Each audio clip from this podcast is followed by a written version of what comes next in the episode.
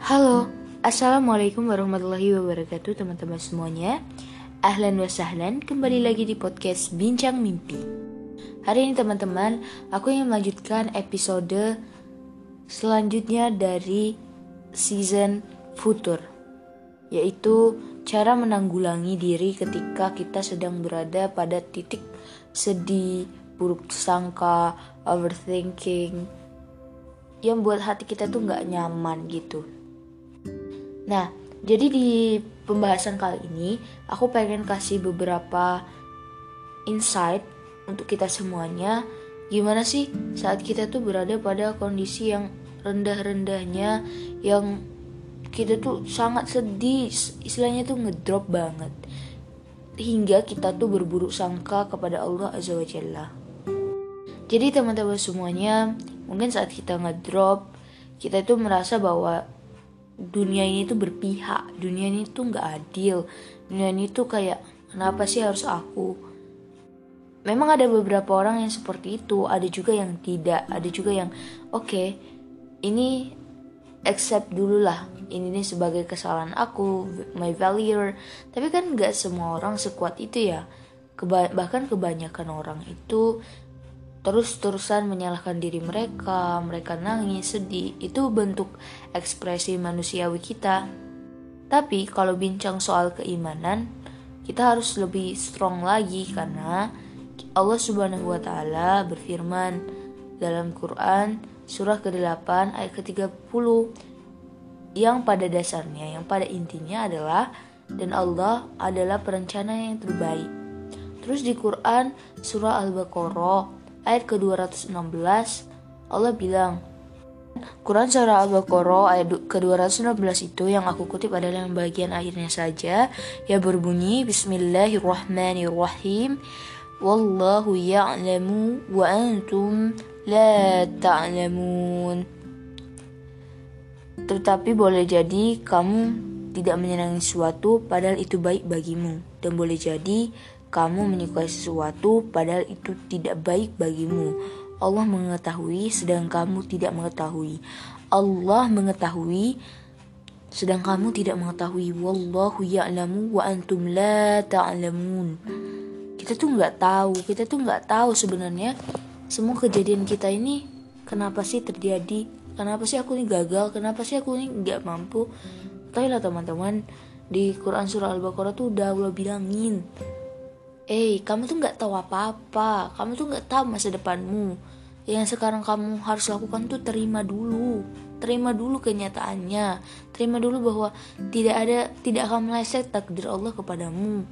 Bahwa nanti kamu nggak tahu kamu tuh ke depannya dari sini kamu tuh bisa adalah turn back point kamu kamu tuh nggak ngerti kalau itu milestones kamu kamu tuh nggak paham Ketika mungkin kita sedang berada dalam kefuturan, hilang harapan kepada Allah Subhanahu wa taala. Nauzubillah jangan sampai teman-teman. Jangan sampai kita lulus banget, yang sampai kita nggak ngerjain yang wajib, jangan sampai kita istilahnya sampai merasakan apa sih aku nih guna hidup Naudzubillah jangan sampai seperti itu teman-teman Bagi teman-teman yang merasa pada titik terendah hidupnya Titik terendah imannya titik terendah keinginannya untuk terus strong, untuk terus bertahan di kehidupan. Sedih itu wajar banget kok, sedih itu benar-benar manusiawi.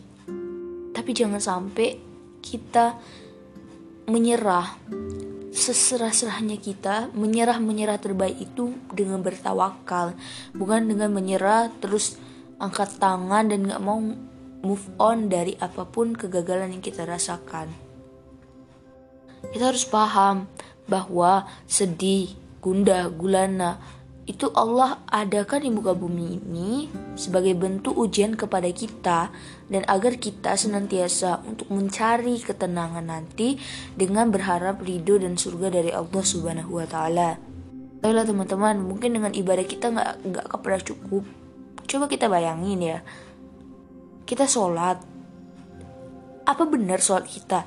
Apa benar wudhu kita? Teman-teman Quran surat Al-Fatihah itu punya banyak tajwid. Ada ada 14 tasydid di Al-Fatihah. Dan teman-teman kalau kita perhatikan kita pun kadang nggak benar ya Al-Fatihahnya kita tuh harus baca Al-Fatihah itu dengan sebenar-benarnya teman-teman.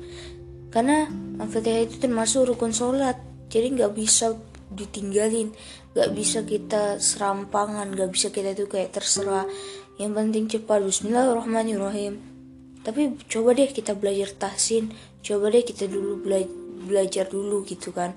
Agar kita tuh tercegah juga dari kesalahan. Karena kalau teh salah kita nggak diterima sholatnya karena itu termasuk tadi rukun sholat. Terus puasa. Saat puasa mungkin kita sibuk mikirin kapan bukanya ibadah kita nggak sempurna.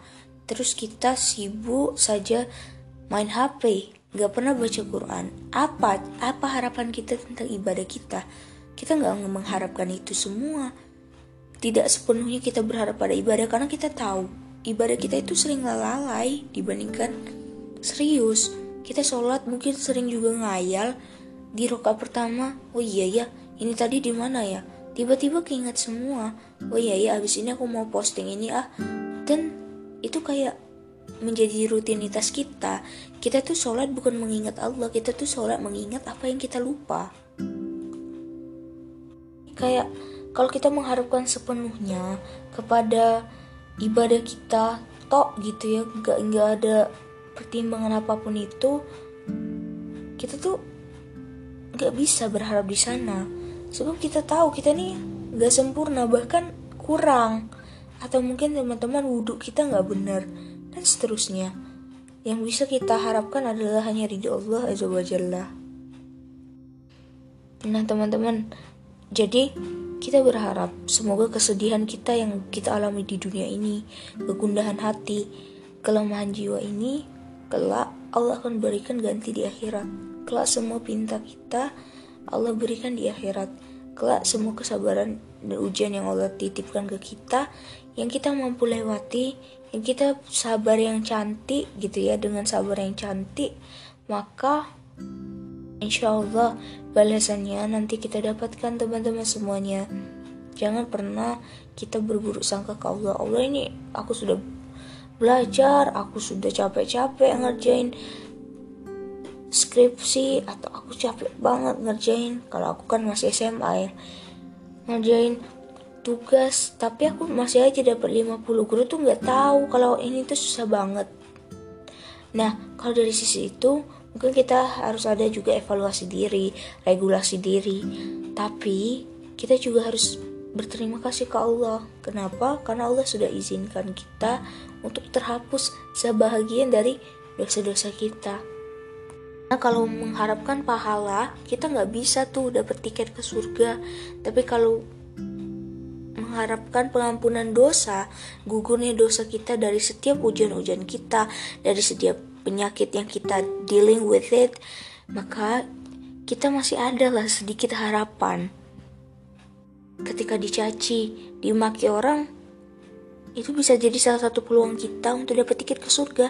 Karena Allah bilang kalau Rasulullah Shallallahu Alaihi Wasallam melalui lisan Rasulnya bahwa setiap apa pun itu kesedihan, kegundahan, kecapean, bahkan sampai duri yang menancap di tubuh kita itu adalah bentuk penghapusan dosa, itu adalah bentuk pengguguran dosa. Maka kita harus berterima kasih. Aku setuju banget sih kalau misalnya kita sedang sakit, kita tuh jangan mengatakan aduh sakit, tapi kita katakan alhamdulillah sakit.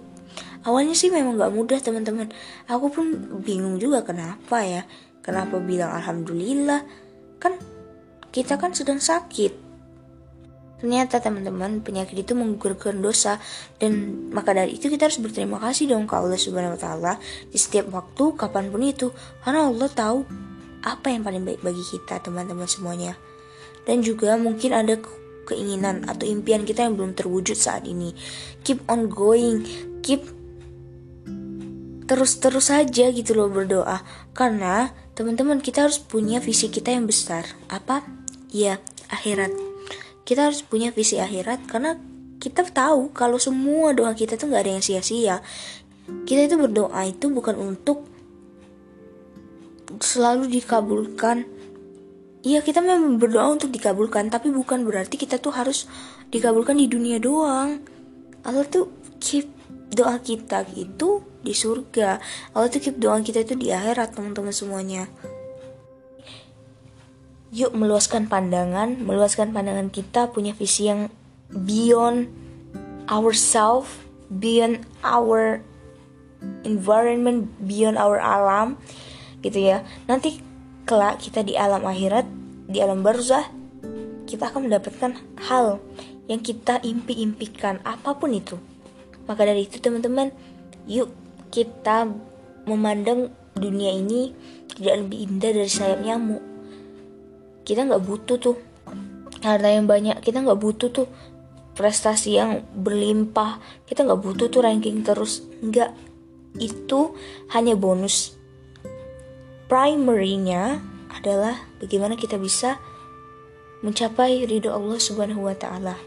Barakallahu fiik teman-teman, jangan sedih lagi. La tahzan, innallaha ma'ana. Jangan bersedih, Allah bersama kita. Barakallahu fiik. Bye teman-teman. Assalamualaikum warahmatullahi wabarakatuh.